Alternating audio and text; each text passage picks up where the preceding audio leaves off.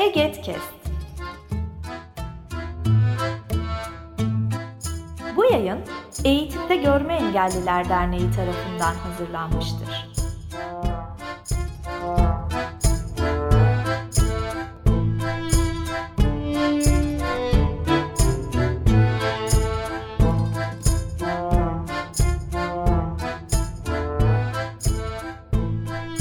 Çözüm Zamanı Getkes serisinden herkese merhabalar. Bugün 11. programımızla sizlerle birlikteyiz. Ben Emre Taşkın ve programımızı her zaman olduğu gibi Bayram Şahin Aydın'la beraber yürütüyoruz. Bayram merhaba. Merhabalar, iyi yayınlar diliyorum. Nasılsın? İyiyim, teşekkür ederim. Sen nasılsın? Teşekkür ederim. Yavaş yavaş kendimize geliyoruz. Bu yayının tabii farklı bir yönü de var. Yine bir konuğumuz var. Geçen yayınımızda konuk almamıştık. Bu sefer bir konuğumuz var. Evet, istersen onu tanıtalım. Konuğumuz derneğimizin ikinci ve üçüncü döneminde de yönetim kurulunda yer alan Ali Öztürk. Ali seni tanıyalım. Hoş geldin. Hoş bulduk, merhabalar. Gayet takip edilen, ilgi çeken başlıklar atarak program yapıyorsunuz ve gerçekten büyük bir ilgi topluyor, beğeni topluyor. Ee, başarılarınızın devamını diliyorum öncelikle. Peki Ali seni tanıyalım kısaca. Ali Öztürk, ben Bulgaristan'da dünyaya geldim. İlk orta öğrenimimi Kilyos Veysel Vardal ve Üsküdar Türkan Sabancı Körler Okullarında e, tamamladım. Lisede Avcılar Lisesi'ni bitirdim. Boğaziçi Üniversitesi Türk Dili Edebiyatı mezunuyum. İstanbul Üniversitesi'nde hala yüksek lisans yapmaktayım.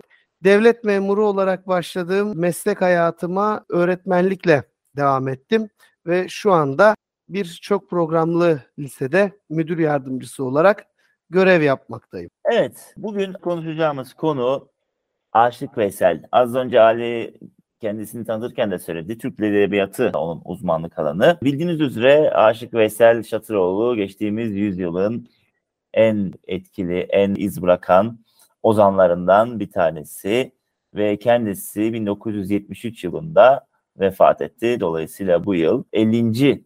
ölüm yıl dönümünü anıyoruz Aşık Veysel'in. Bundan hareketle UNESCO 2023 yılını Aşık Veysel yılı olarak ilan etti. Cumhurbaşkanlığı da bir genelge yayınlayarak bu yıl yapılacak etkinliklerin Kültür ve Turizm Bakanlığı ile Milli Eğitim Bakanlığı koordinasyonunda gerçekleştirileceğini ve uygun görülenlerin de Cumhurbaşkanlığı himayesinde yapılacağını söyledi. Genelgesinde böyle bir durum var. Yani Aşık Veysel Şatıroğlu'nun 50. vefat yıl dönümü dolayısıyla biz bu programımızın temasını Aşık Veysel'i nasıl anlamalı ve anlatmalıyız üzerine kurgulamaya çalıştık ve bu doğrultuda biz Ali'ye sorularımızı yönelteceğiz. Ali de alanı dahilinde bunları cevaplayacak. Şimdi ben sözü bayrama bırakayım ve sorularıyla başlayalım. Teşekkür ediyorum Emre. Şimdi şöyle, Aşık Veysel hepimizin çok değerli, çok önemli bir halk ozanı. Türk Edebiyatı için de öyle. Peki ben kısaca şunu öğrenmek istiyorum, şunu sormak istiyorum.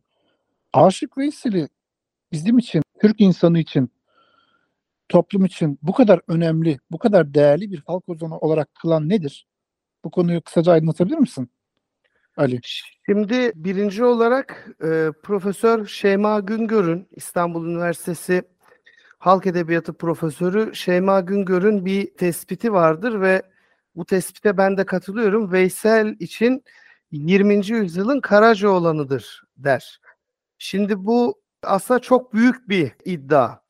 Ama bu iddianın doğruluğunu gösteren elimizde pek çok kanıt bulabiliriz. Veysel'in çığırdığı, havalandırdığı türkülere bakarsak, Veysel'in ağzından çıkan dizelere yoğunlaşırsak bunun ne kadar önemli olduğunu görürüz. Birincisi bir kere Veysel'de aslında Yunus Emre'den kopup gelen, Karacaoğlan'dan kopup gelen dini ve lirik üslubun bir sentezini görmekteyiz. Bir potada eridiğini görmekteyiz e, bu üslupların.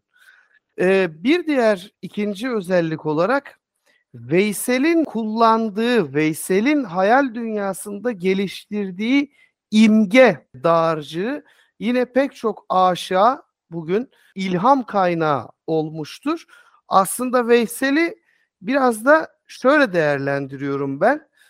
Yani Veysel aslında bir aşıklar nehri düşünün. Her aşık bu nehre bir şeyler bırakıyor Veysel'e gelene kadar ve Veysel bunları imbikliyor, damıtıyor ve e, kendi sesini aslında bize çok orijinal bir şekilde duyuruyor. Şöyle örnek vereyim. Mesela der ki Veysel, güzelliğin on par etmez, bu bendeki aşk olmasa. Şimdi baktığınızda aslında iki dizelik bir bölüm seslendirdim size ama burada aslında bir Fuzuli etkisi de görüyoruz. Ama Fuzuli ne yapıyor bunu? Şöyle okuyayım beyti müsaadenizle. Bende Mecnun'dan füzun aşıklık istidadı var. Aşık-ı sadık menem Mecnun'un ancak adı var. Yani diyor ki bende Mecnun'dan daha fazla aşık olma durumu var. Gerçek aşık benim, Mecnun'un sadece bir adı var. Veysel bunu o kadar sadeleştirerek, toplayarak anlatıyor ki güzelliğin on par etmez bu bendeki aşk olmasa diyerek burada aslında e, Yunus'un o sehli mümteni dediğimiz sanatına ulaşmış oluyoruz. Bir diğer taraftan Veysel divan mazmunlarını da divan benzetmelerini de halk edebiyatında müthiş derecede kullanma yetisine sahip bir insandır. Hemen örneğimizi verelim. Der ki çırpınıp içinde döndüğüm deniz dalgalanır coşar rüzgarından mevce gelip cuş eyleyen aşkımız ah çektikçe kaynar gelir derinden. Şimdi burada mesela bir ah o divan edebiyatındaki o ah dumanının motifinin Veysel'in dizelerinde de aslında kendisine yer bulduğunu görüyoruz ki Veysel bu noktada gerçekten son derece başarılı olmuş, mükemmel bir aşık tipi diyebiliriz. Bir diğer özelliği tabii Veysel'in aslında sazıdır.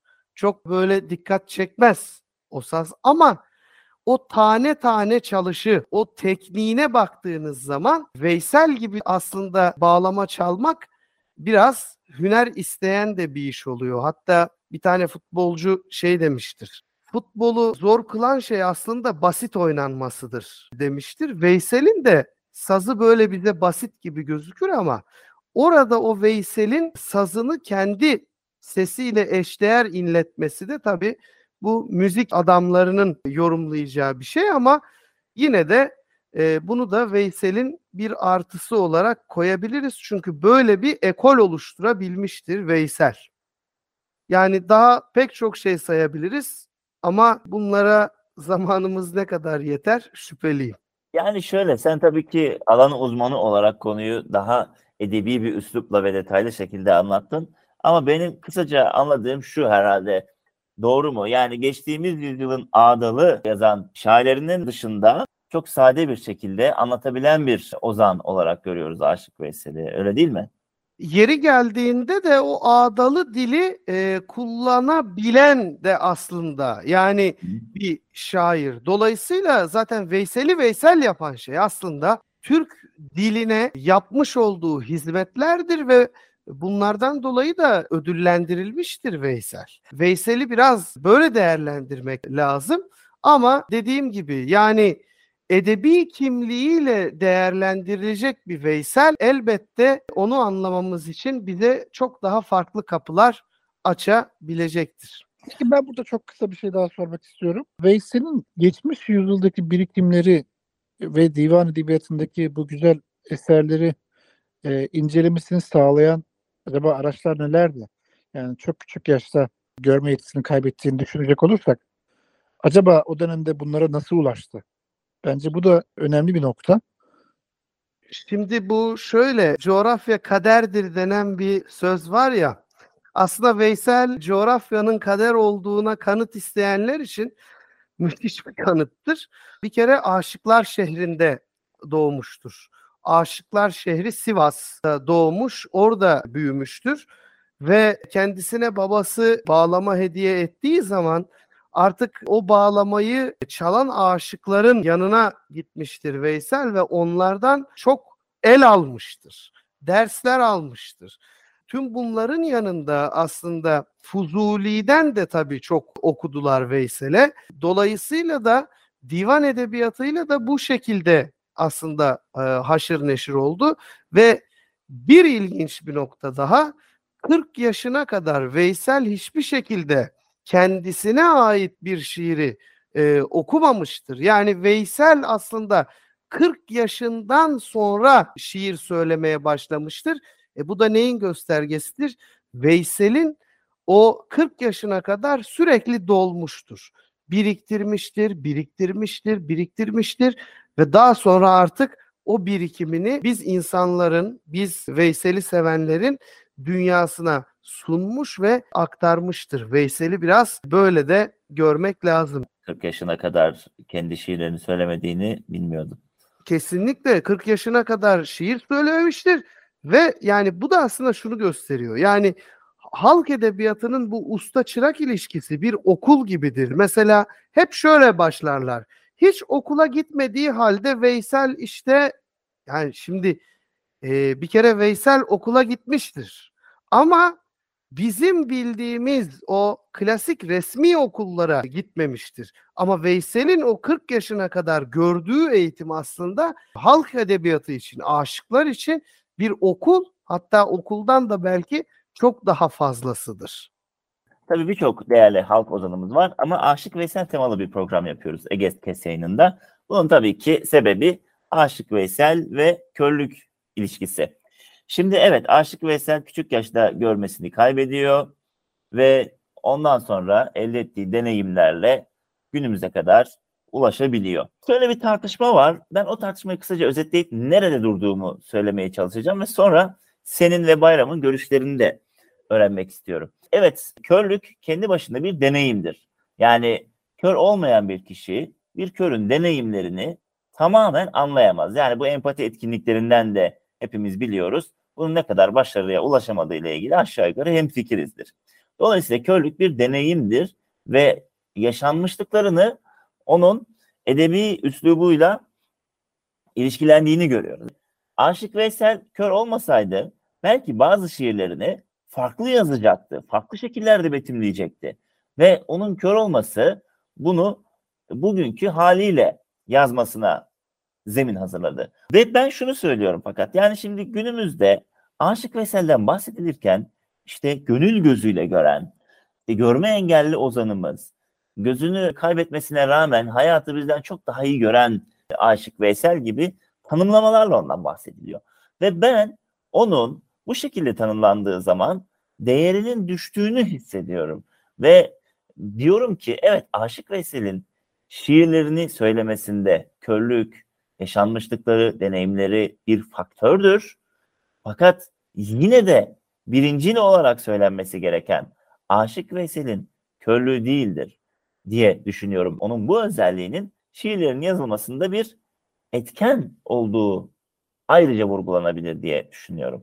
Peki Ali sen ne düşünüyorsun bir alan uzmanı olarak bu konuda? Elbette insanların yaşadığı deneyimler özellikle edebiyatçılar için yani edebiyatın üreten kısmında bulunan insanlar için toparlayacak olursak sanatçılar için elbette bir referanstır.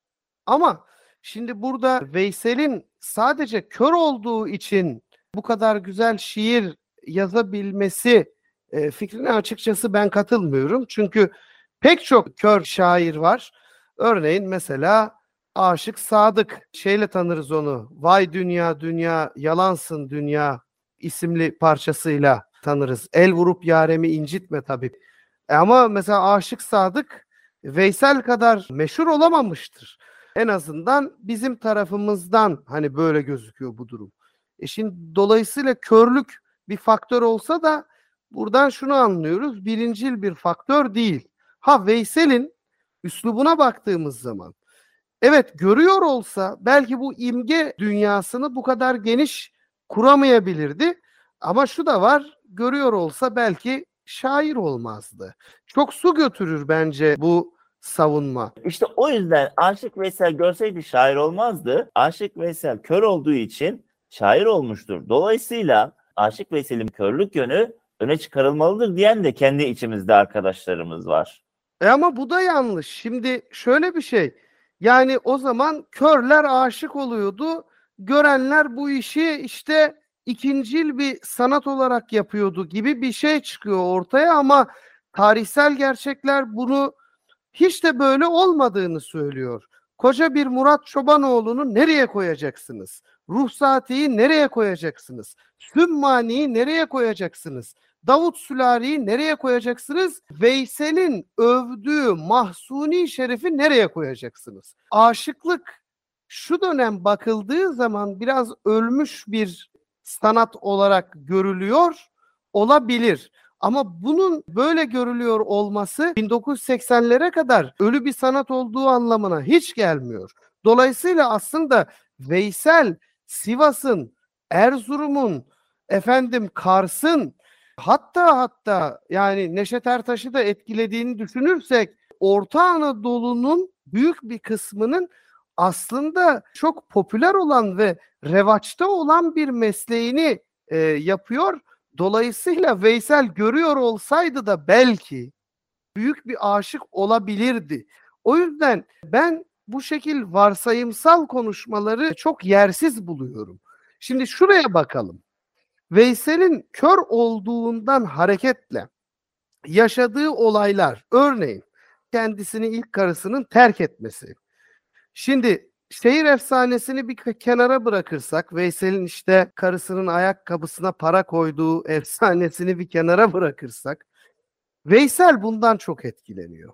Ne yapıyor Veysel? Verdiği bir röportajda ben görüyor olsaydım ona ne yapacağımı bilirdim diyor. Ya da kuş olsan da kurtulmazdın elimden eğer görsem idi göz ile seni diyor. Veysel'in etkilendiği birinci husus budur. İkinci hususta Veysel'in körlüğünden dolayı Birinci Dünya Savaşı'na, Balkan Harbi'ne katılamaması ve bu uğurda aslında şehitliği arzu etmesidir. Çünkü neden? Veysel bunu da röportajında anlatıyor. Diyor ki ben o savaşa gidenlerin hep şehitlik haberlerini alırdım. Anneler o ya da karıları onların efendim çocukları gelirlerdi benim yanımda ağlarlardı. E bu da haliyle Veysel'i aslında şehitlik arzusuyla yakıp kavurmuştur. Ha bunlar şiirlerinde etkili midir? Evet etkilidir. Ama Veysel'in imge dünyası, Veysel'in hayal dünyası diyeyim daha amiyane bir tabirle Veysel'in hayal dünyasını şekillendiren şey körlüğü değil. Eğer körlüğü olsaydı o zaman gören aşıklar Veysel'den daha kuvvetsiz olurlardı. Ama elimizde bunu ispat eden, bunu kanıtlayan deliller yok denecek kadar az. Evet programımızın sonlarına yaklaştığımız şu dakikalarda Bayram senin de bu konuyla ilgili hem görüşlerini öğrenelim hem de son söyleyeceklerini ifade edebilirsin. Körlüğü bağımsız ve ayrı bir kimlik olarak gören arkadaşlarımızın bence burada ciddi bir yanılgıları ve içine, içine düştükleri bir çelişki var. E şöyle ki Veysel halk ozanlığıyla bildiğimiz e, çok değerli bir sanatçı ve halk ozanı kimliği var. Şimdi körlüğü ayrı bir kimlik haline getirdiğiniz zaman aslında körlüğün acite edilmesine, işte azmine rağmen başardı, gönül gözüyle gördü gibi söylemlere de istemeden de olsa kapı aralamış oluyorsunuz. Burada günümüzde işte birçok e, mühendis var, e, işte psikolog var, akademisyen var, hukukçu var. Ama bunları ayrıca kör hukukçu veya işte görme engelli hukukçu, görme engelli mühendis diye dile getirmek yaptıkları işin değerini bence de azaltıyor. Benim de açıkçası söyleyeceklerim kısaca bu şekilde. Bence Aşık Veysel gelecek yüzyıllarda ışık tutacak çok önemli, çok değerli bir halk ozanı. Bunun zaten hepimiz farkındayız. Programda bu gerçeklerin kısa bir özeti olması nedeniyle faydalı oldu. Benim söyleyeceklerim bunlar. Şimdi bir arada şeyi de belirteyim. Mahsuni olsun, Davut Sulari olsun, Daimi olsun. Bazı türkülerinde Veysel'e yer verirler. Veysel'in sağlığında da Veysel'e yer verirler. Mesela Veysel'e şekvada bulunurlar. Bazı olayları Veysel'e şikayet ederler. Hani sen ne dersin Veysel bu hususta gibi. Ama bu aşıkların hiçbiri Veysel'e hani körlüğüyle alakalı bir şey söylememişler. Olumlu ya da olumsuz. Yani Veysel'i körlüğünden soyutlamışlar. Hani Veysel'i bir otorite gibi görüp Veysel bu yani sana şekva ediyorum, sana şikayet ediyorum bu durumu tarzında söylemişlerdir. Şimdi o yüzden evet Veysel'in kör olduğu gerçeğini inkar etmiyorum. Bunu zaten hiçbirimiz de inkar edemeyiz. Ama Veysel'in şiirlerinin önüne siz körlüğünü koyarsanız Veysel'in şiirlerine bence en büyük hakareti böyle etmiş oluruz. Körler okullarının 21 Mart anmasına dönüştürmüş oluruz bu işi. Yani hiçbirimiz burada körlüğünü inkar etmiyoruz Veysel'in. Ama Veysel'in edebi bir kimliği vardır ve bu edebi kimliğe bence daha geniş, daha kapsamlı, daha fazla yer vermeli ve Veysel'i eğer yücelteceksek de bunun üzerinden yüceltmeliyiz ki Veysel de bunu hak eden bir insan. Evet. Aslında biz EGET olarak zaman zaman Aşık Veysel'i andığımız etkinlikler yaptık şimdiye kadar. Pandemi döneminde Bahar'a merhaba Veysel'e vefa tarzında bir organizasyon düzenlemiştik. Bugün yaptığımız programda EGET'in bakış açısına yakışır bir içerik oldu. Ali sana çok teşekkür ediyorum. Aşık Veysel'i nasıl anlamamız, anlatmamız ve körlüğüyle olan ilintisini nereye koymamız gerektiğini çok sade bir şekilde ama aynı zamanda edebi bir dille anlatmış oldun. Çok teşekkür ediyorum sana programımıza katıldığın ve bilgilerini, görüşlerini paylaştığın için. Ben teşekkür ediyorum. Sağ olun. Evet, değerli Egetkest dinleyicileri ve aboneleri, bir çözüm zamanı serimizin daha sonuna geliyoruz. Belki bu yayını dinledikten sonra dinlediğiniz platform üzerinden Egetkest kanalına abone olmayı düşünebilirsiniz. Bir sonraki yayında görüşene kadar kendinize iyi bakın. Hoşçakalın.